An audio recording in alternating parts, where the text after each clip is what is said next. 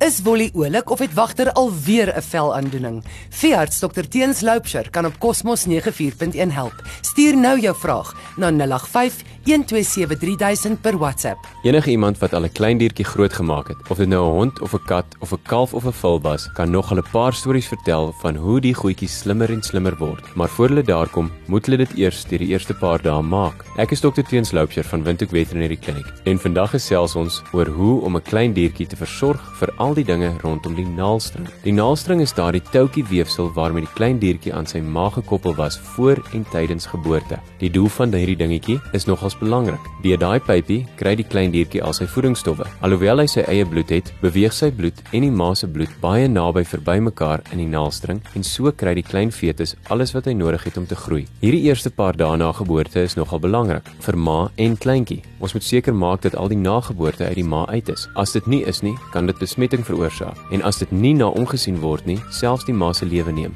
Wat die kleintjie aanbetref, is daar 'n klompie goed wat kan fout gaan. Die eerste en mees algemene is dat die naalstring ontsteek en besmet word. In vuil toestande soos in 'n nat kraal, iets wat ons nou met hierdie wonderlike reën sit, is daardie stukkie weefsel vatbaar dat die bakterieë in die omgewing daar kan vasklou en moeilikheid veroorsaak. As ons diere uit die veld haal en hulle in die kraal sit, is dit goed om daardie naalstring die eerste paar dae 'n bietjie in jodium of ander ontsmettingmiddels te doop om besmetting te voorkom. Nog 'n snaakse ding wat kan gebeur, is dat die spiere rondom die naalstring aan die kleintjie se kant seer kry. In so 'n geval is daar 'n gaatjie waar derms deur die maagspierwand kan peel en dit kan vinnig gevaarlik word vir die kleintjie se gesondheid.